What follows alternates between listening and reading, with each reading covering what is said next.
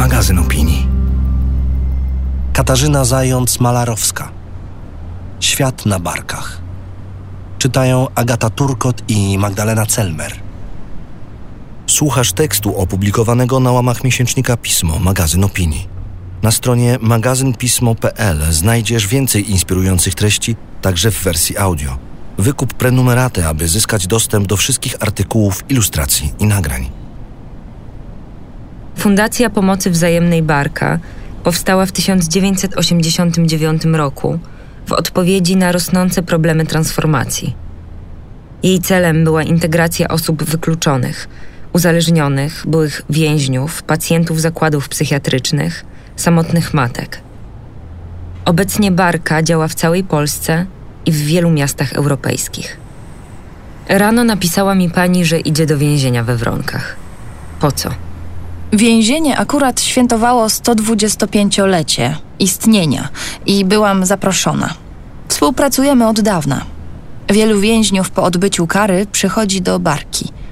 Dyskutowałam z psychoterapeutami, którzy pracują w zakładzie karnym, czy możliwe jest kontrolowanie picia przez osobę uzależnioną. Niektórzy twierdzili, że zmiana jakiegokolwiek nawyku jest sukcesem. Na przykład niepicie w godzinach pracy. A pani co uważa? Że jak się jest uzależnionym, to jedynym rozwiązaniem jest zachowanie abstynencji. Nieważne, czy pije się trochę, czy dużo. W ośrodkach barki mieszkają rodziny z dziećmi. Nie możemy pozwolić na to, żeby ktoś wypił nawet piwo. Trzeźwość jest warunkiem pobytu. Mieliśmy kiedyś faceta, który z powodu alkoholu wszczął bójkę. Kogoś popchnął.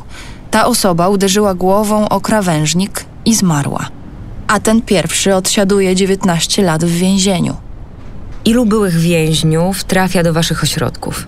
Trudno policzyć, bo do tej pory Barka utworzyła ponad 200 centrów integracji społecznej, a w każdym z nich pomagamy kilkudziesięciu osobom.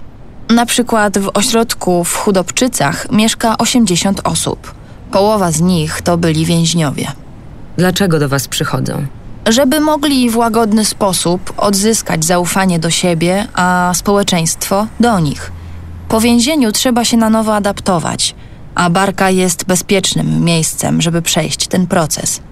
Te osoby często nie mają do kogo wrócić, a jak wracają, to do środowiska, gdzie są znów wciągane w picie, narkotyki. Mocno wierzę, że w człowieku można wiele odbudować. Jak? Jestem pasjonatką przedsiębiorczości społecznej, na jakiej opiera się nasza organizacja. Dla osób po przejściach tworzymy miejsca do życia i pracy. Mamy na przykład farmy ekologiczne, gdzie mieszkają i zaczynają nowe życie. Założeniem przedsiębiorstw społecznych jest to, że muszą same się utrzymać. Nie są nastawione na zysk. Wartością jest to, że ludzie pracują. Ich wypłaty z reguły są najniższe, bo nie byli wcześniej aktywni na rynku pracy, ale dzięki temu nie trafiają ponownie do więzień, nie piją. Muszę pani powiedzieć, że mamy niezwykle pozytywne doświadczenia z pracy z więźniami. Jakie? Oni mają w sobie lojalność.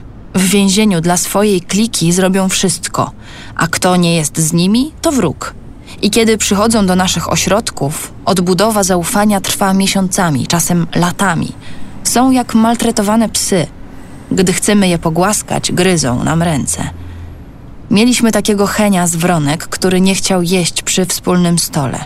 Siadał osobno, miał swoją łyżkę, talerz i kubek. Mówił, że przy naszym stole mogą być cwele, a on z cwelami nie siada, bo ma zasady. Był gitowcem.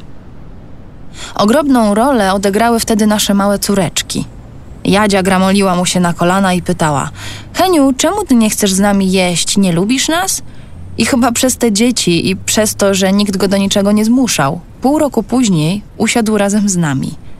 I jak kiedyś zaciekle bronił zasad więziennych, tak później pilnował, żeby ludzie byli trzeźwi, żeby rozumieli, że potrzebna jest wspólna praca, że się sami utrzymujemy. To nie jest instytucja, która pierze pościel. Każdy ma obowiązki. Jakie miał Henio? Opiekował się kucykami, y, Dunajem, Dyngusem i Utopią. Dlatego miał przezwisko Kucyk. Zaprzęgał je do bryczki i jeździł do Lwówka handlować owocami i warzywami. Po pracy woził dzieci bryczką wokół starego rynku. Bilet kosztował 10 zł. E, przeznaczyliśmy te pieniądze na remonty. Henio żadnej osoby nie przewiózł bez biletu. Ludzie mówili, czasami nie chcemy biletu, a on sam nam go wpycha. Tak był uczciwy i oddany. Nie wiedzieli, że Henio siedział 22 lata w więzieniu za pobicie ze skutkiem śmiertelnym. W izolatkach, związany, spędził niezliczoną liczbę godzin. Mówił, że strażnicy go katowali. Okaleczał się. Wbił sobie gwóźdź w serce i wydłupał długopisem oko. W społeczeństwie dominuje przekonanie, że kara musi być dokuczliwa. Bez wspólnej pracy, wspólnych posiłków. Więźniów się obserwuje, nie buduje się z nimi więzi. Jak człowiek ma się zmienić bez dobrej relacji z innymi? Czyli zamiast siedzenia w celi, wspólne gotowanie. Wierzę, że przedsiębiorstwa społeczne to godny sposób przywracania człowieka do samego siebie, do swoich możliwości i zdolności, których wcześniej nie miał szansy rozwinąć albo się załamał na drodze życia. Oprócz tego środowisko musi być gotowe na przyjęcie takiej osoby, żeby nie była stygmatyzowana. Przeważnie wszyscy zamykają drzwi i taki człowiek jest bez wyjścia. Gdy zaczynaliśmy pracę w fundacji, to było wielkie zapotrzebowanie na tego typu miejsca. To było dokładnie 30 lat temu. W 1989 roku razem z mężem, Tomaszem Sadowskim, założyła pani Fundację Barka. Skąd taki pomysł? Z mężem jesteśmy psychologami. W okresie transformacji pracowałam w szpitalu psychiatrycznym w Kościanie, na oddziale psychos wśród kobiet. Byłam bardzo nieszczęśliwa, bo pani ordynator kładła nacisk na farmakoterapię, faszerowanie pacjentów lekami. Ja chciałam przywracać ich do środowiska, żeby pracowali z rodzinami, żeby powstał teatr, gdzie byśmy wystawiali małego księcia. Nie podobało jej się to, że jakaś młoda psycholożka wprowadza swoje rządy. Wtedy dowiedziałam się o psychologu rewolucjoniście, który uruchamiał innowacyjny ośrodek rehabilitacji psychicznej. Tomek miał wizję. Tworzył miejsce, w którym rozmawiało się w grupie, pracowało w środowiskach lokalnych, organizowało wspólne wyjazdy, kursy żeglarskie, szkolenia, zajęcia w klubach i świetlicach. To mi bardzo zaimponowało. Podjęłam tam pracę. W ośrodku zrodziło się uczucie między nami. Psychiatrzy bardzo się denerwowali na nas, bo stawialiśmy na psychoterapię, a byliśmy tylko psychologami. Próbowali wszelkimi sposobami obalić nasze inicjatywy. Co chwilę mieliśmy kontrolę z różnych urzędów, czepiali się, że nie nosimy kitli i jesteśmy z pacjentami po imieniu. Napisali nawet list do psychiatry krajowego, że robimy rewolucję w ośrodku. Chcieli stosować procedury szpitalne w miejscu, gdzie budowaliśmy więzi. Trwało to ponad rok. Daliście za wygraną? W ramach protestu zdecydowaliśmy, że odchodzimy z ośrodka. Poza tym sytuacja się zmieniła, bo system się załamał. Upadały PGR-y, likwidowano hotele robotnicze. Na naszych oczach ludzie masowo tracili pracę. Byli eksmitowani, całymi rodzinami lądowali na ulicach z workami foliowymi, w których trzymali dobytek. Pytali, czy możemy im chociaż meble przechować. Umiejętności zdobyte w pracy w PGR-ach były nieprzydatne dla prywatnych właścicieli. Nie było pomysłu, co robić z tymi rzeszami bezrobotnych. Przeczuwaliśmy, że będą potrzebować pomocy. Wiedzieliśmy też, że w trudnych czasach resocjalizacja nie dokonuje się w sterylnych warunkach. Dlatego postanowiliśmy zamieszkać z tymi osobami w starym budynku szkoły we wsi Władysławowo, 60 km od Poznania. Odważnie. Wtedy nie widzieliśmy innej możliwości. Zimą 1989 roku pojechaliśmy pierwszy raz do tej szkoły. Autobus wysadził nas w Lipce Wielkiej. Tam był znak, że do Władysławowa jeszcze dwa kilometry. Śniegu po kolana, a my z czterema osobami, które chciały z nami zamieszkać. Dwiema małymi córkami, bo trzecia miała się dopiero urodzić. Szliśmy sześć kilometrów, bo szkoła była na drugim końcu wsi. Gdy dyrektor otworzył drzwi, okazało się, że od 20 lat nikt jej nie używał. W środku było zimniej niż na dworze. Dach był dziurawy, kable elektryczne wyrwane, szyby wybite, na środku stał wielki piec kaflowy. Łazienek nie było, tylko drewniane wychodki na zewnątrz. Poczekaliśmy do czerwca i wtedy tam zamieszkaliśmy z grupą 25 osób. Kim były te osoby? To była zbieranina ludzi uzależnionych, eksmitowanych, byłych więźniów, pacjentów szpitali psychiatrycznych, tych, którzy nie mogli odnaleźć się w nowej rzeczywistości. Niektórych znaliśmy z naszej wcześniejszej pracy, inni dowiadywali się o nas pocztą pantoflową. Na przykład o ziutce powiadomił nas dziennikarz, który zbierał grzyby w lesie i zobaczył, że jakaś kobieta mieszka w namiocie z czterema psami. Żaden ośrodek jej nie chciał z tymi psami przyjąć, więc trafiła do barki. Jej mąż z synem zginęli w wypadku. Nie miała z czego żyć. Została prostytutką. Gdy się zestarzała, zamieszkała w lesie. Żeby przeżyć, zbierała odzież i starocie ze śmietników i sprzedawała na rynku. Zawsze elegancko ubrana, uczesana na obcasach. Kochała dzieci. Była jak babcia, czytała książki, opowiadała o mniszkównie. Chodziła na wywiadówki do naszych córek, gdy byliśmy zajęci. Zmarła we wspólnocie. Albo Andrzej wyszedł z domu dziecka, nie chciał wracać do rodziny, gdzie wszyscy pili i zamieszkał w poniemieckim bunkrze nad Rusałką. Kilkanaście lat tam żył. Zbierał złom. Przyszedł do barki zarośnięty, wymęczony. Ziemia mu się w skórę wryła. Nasza córka Jadzia była wtedy malutka. Wystraszyłam się. Powiedziałam Tomkowi, że trochę się obawiam Andrzeja, może coś mu do głowy strzeli. Tomek powiedział, że jak mi się nie podoba, to mogę zabrać dzieciaki i wynieść się do matki. A potem, gdy go umyliśmy, ostrzygliśmy, okazało się, że ma bardzo niebieskie oczy. Został z nami i hodował owce. Też już nie żyje. Ale Zbyszek żyje. Kiedyś był górnikiem i dużo pił. Poszedł na terapię y, do klasztoru w pieniężnie i nie chciał już wracać do kopalni. Do barki przywiózł kołdrę klasztorną, bo nie wiedział, czy będzie miał pod czym spać. Była u nas też 97-letnia babcia Stasia, którą rodzina zostawiła o 5 rano z pierzyną i foliową torbą pod naszym domem. Jak Józio poszedł do szpitala na amputację nogi, to kazała wszystkim klękać i się za niego modlić. Wzięła ścierę i nas poganiała. Nawet Henio, który wcześniej od cweli wszystkich wyzywał, z babcią Stasią mówił różaniec. Mieliśmy też rodzinę z Karabachu. Uciekli przed wojną. Jak tam żyliście? Na początku spaliśmy na materacach. Okna zbieraliśmy od ludzi, tak samo cement, kable. Jeździliśmy po firmach i prosiliśmy o pomoc. Proboszcz przygotował wieś na nasz przyjazd. Zaprosiliśmy sąsiadów. Stół zrobiliśmy ze starych drzwi, które położyliśmy na cegłach. Upiekliśmy ciasto. Tylko piec kaflowy strasznie kopcił. Niektórzy myśleli, że my jakieś pieniądze mamy, że jesteśmy cwaniakami, a bieda była taka, że aż piszczało. Na podwórku tonęliśmy w błocie. Nie było pralki, tylko wanna i tarka. Przez cztery lata myliśmy się w miskach. Córki miały wszy. Pierwszą zimę spaliśmy w kurtkach. Jedliśmy zupy z proszku i produkty, których termin ważności dawno upłynął. Nie mieliśmy owoców. Kiełbasę dzieliliśmy na dwadzieścia kawałków.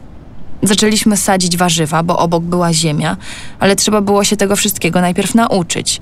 Ktoś podarował nam prosie, ktoś kaczki i kury. Przyjechała moja mama i krzyczała: Jak wy żyjecie? Wszystko jest zbierane, kubki powyszczerbiane. Uciekaj stąd, dzieci zmarnujesz.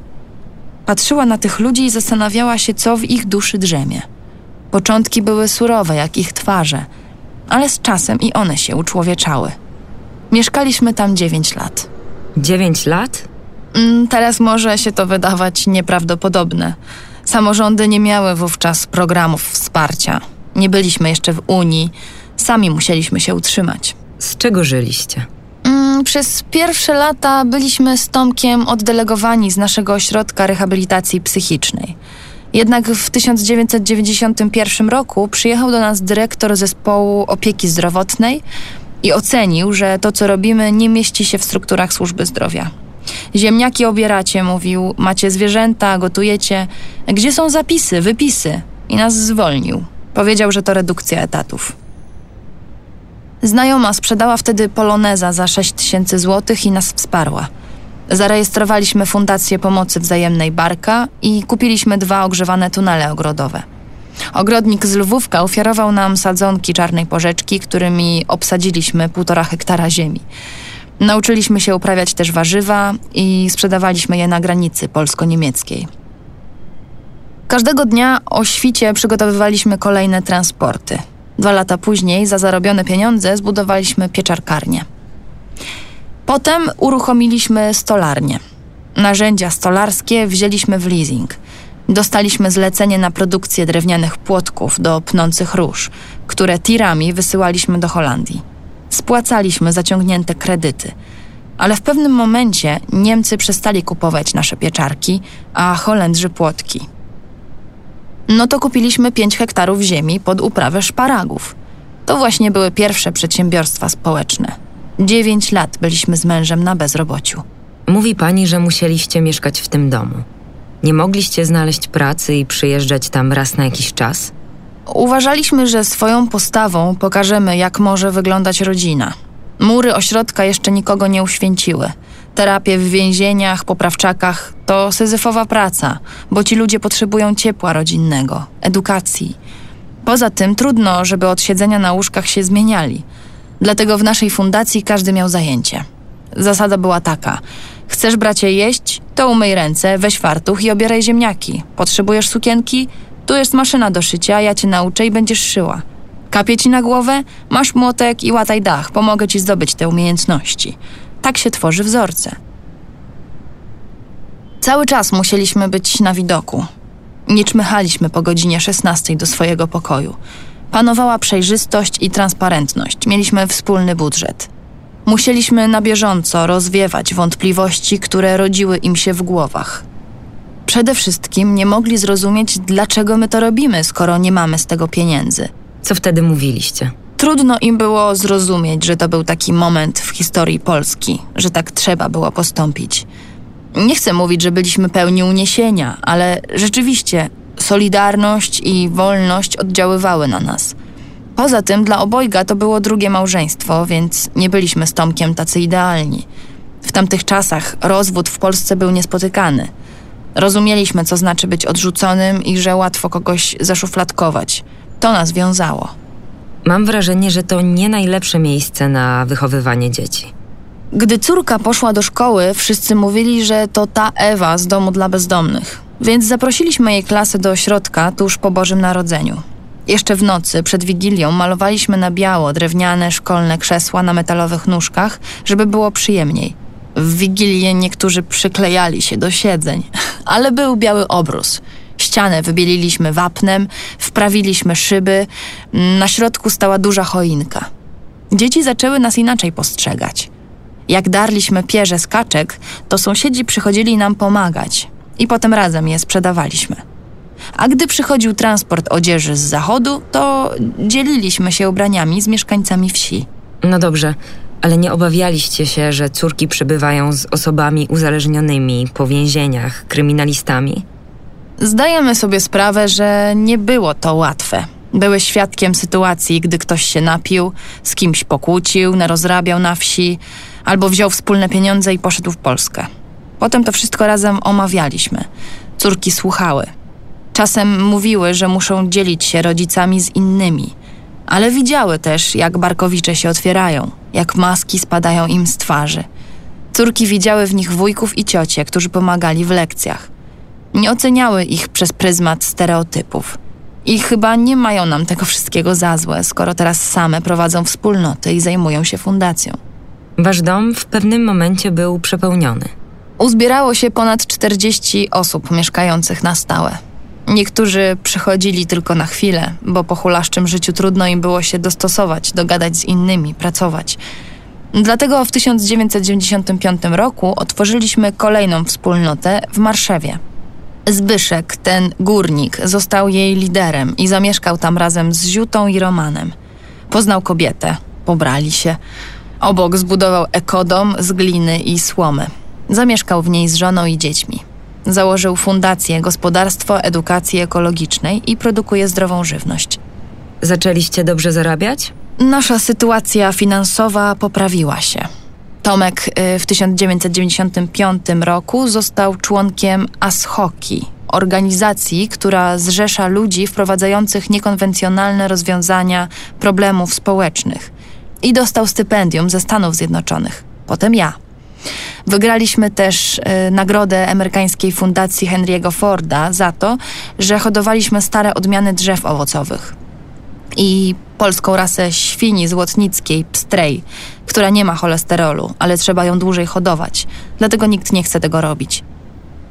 Za te pieniądze naprawiliśmy dach i kupiliśmy stary, rozsypujący się 400-hektarowy popegeerowski dwór w Chudobczycach, gdzie stworzyliśmy centrum współpracy lokalnej. Wszystko szło na remonty, nowe inwestycje. Ale zaczęliście też jeździć po świecie. Pojechaliśmy do Davos, bo Klaus Schwab, założyciel i prezes Światowego Forum Ekonomicznego razem ze swoją żoną Hilde, zaprosili nas do swojej fundacji. Zaprezentowaliśmy barkę i jakiś przedsiębiorca powiedział, że sfinansuje część nowego projektu. W ten sposób powstały 32 domy socjalne na osiedlu Darzybór w Poznaniu. Potem odezwali się do nas francuscy farmerzy – Kiedyś zafascynowani ideą solidarności, szukali miejsc, gdzie ta prawdziwa solidarność jeszcze istnieje. W ramach pomocy dali nam 150 owiec rasy białej z masywu centralnego we Francji, które hodujemy do dzisiaj. Przeszkolili nas z produkcji serów. Potem wsparli zakup 25 kóz uszlachetnionych i kozłów rasy alpejskiej. Zaczęli do nas przyjeżdżać wolontariusze z całego świata – i zostawali nawet na pół roku. Uczyli języków obcych, organizowali zajęcia sportowe, sprzątanie świata. Powstały kolejne wspólnoty w Józefowie, Posadówku i dwie w Poznaniu. Dowiedzieliśmy się, że jesteśmy potrzebni również za granicą. To znaczy, jak się dowiedzieliście? Pracownik samorządu Hammersmith Fulham w Londynie napisał do nas poruszający list. Ubolewał, że tyle dobrego zrobiliśmy w bitwie o Anglię, że dzięki pracy Polaków jego kraj się rozwija. A on, idąc codziennie rano do pracy, widzi grupy żebrzących i brudnych Polaków na ulicy. Bolało go, że Anglicy źle o nas mówią. Zapytał, czy nie moglibyśmy się nimi zająć. Polecieliśmy do Londynu i spotkaliśmy wielu rodaków żyjących na ulicach, na dworcu Victoria, gdzie rozrabiają, śpią, umierają – nie znają języka, nie mają możliwości pójścia na terapię. Wolą żyć na ulicach niż wrócić do Polski? Często nie nawiązują kontaktu z rodziną, bo się wstydzą, że im się nie udało. Niektórzy nie mają do kogo wrócić albo boją się, że będą ścigani za długi. Czasem szukając pracy trafiają do pracodawcy, który mało płaci albo w ogóle zamyka ich w domu. W końcu uciekają bez wynagrodzenia, lądują na dworcu dołączają do grupki, która już tam siedzi i popija. Wrastają w ulicę. Wolą być w miejscu, gdzie ludzie są szczodrzy. Dziennie mogą wyżebrać 150 funtów i jest tani cydr. Pojechaliście wtedy do Londynu i co zrobiliście? Musieliśmy długo przekonywać systemy pomocy społecznej w Londynie do naszego pomysłu. W barce zatrudniamy również naszych podopiecznych, byłych alkoholików, więźniów. Anglicy nie chcieli się zgodzić, jeśli ktoś nie miał odpowiedniego wykształcenia. Mają hierarchiczny system oparty na zachowaniu dystansu, niezbliżaniu się do potrzebujących. A nasz pracownik siada na ulicy obok osoby pijącej, bezdomnej i mówi o tym, co sam przeszedł. Że spał na cmentarzu, że za poduszkę służył mu kamień, w nocy budziły go lisy. Zdobywa szacunek, bo ma za sobą trudne życie. Na przykład do więzienia w Dublinie, gdzie są osadzeni Polacy, jeździ lider Andrzej, który sam spędził 20 lat w więzieniu.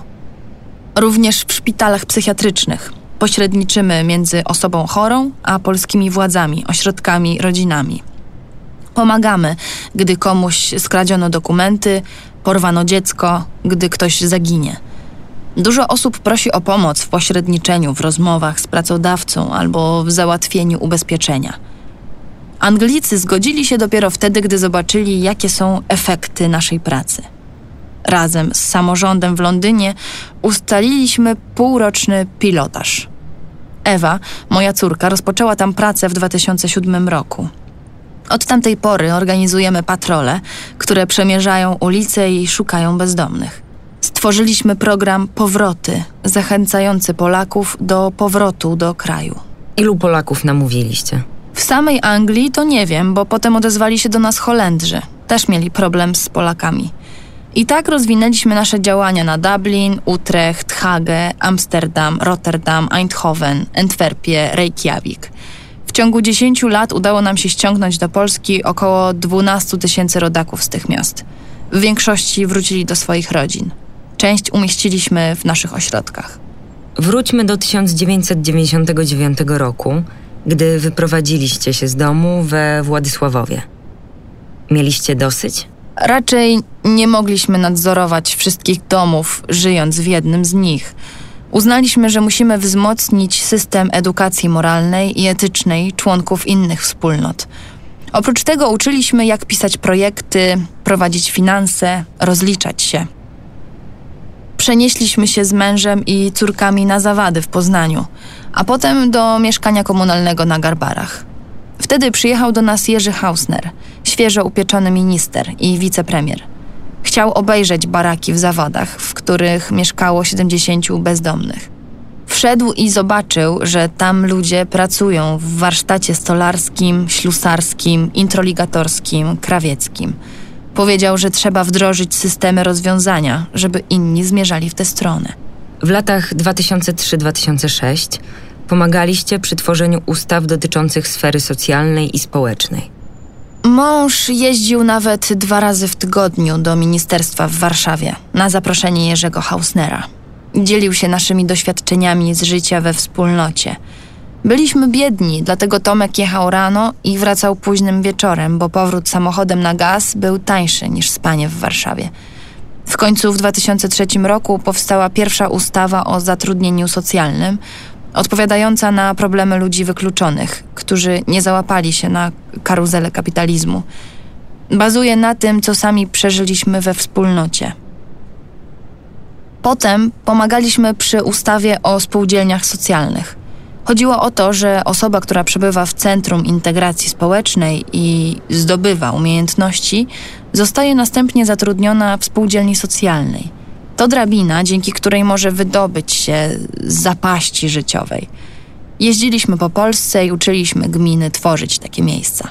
Czujecie się jeszcze w Polsce potrzebni? Jest o wiele lepiej niż przed 30 laty. Bezrobocie spadło, praca jest na wyciągnięcie ręki.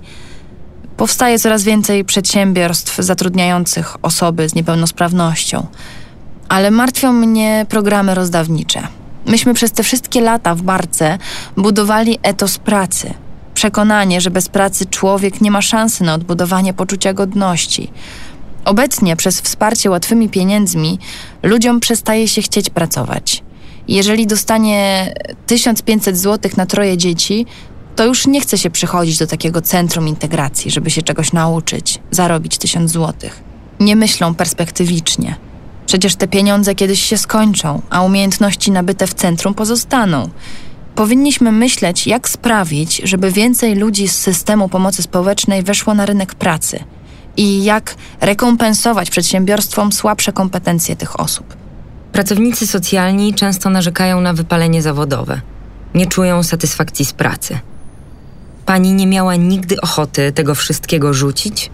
Mam ponad 60 lat i może powinnam czuć się zmęczona, a jadę, gdzie mnie tylko zawołają. Póki mam siły, chciałabym, żeby mechanizm przedsiębiorstw społecznych był stosowany w każdej polskiej gminie, żeby nie pozostawiać ludzi na zasiłku samym sobie. Pomagają mi słowa Józefa Tischnera, że życie ma sens, kiedy jest świadectwem, kiedy jest okupione trudem i rezygnacją z czegoś. Barka jest zbudowana na takim świadectwie. Pokazujemy, że można znaleźć klucz do człowieka i go zmienić, obudzić jego potencjał, żeby nie musiał być ciężarem. Rozmowa ukazała się w 27 numerze miesięcznika Pismo, magazyn opinii. Czytały Agata Turkot i Magdalena Celmer.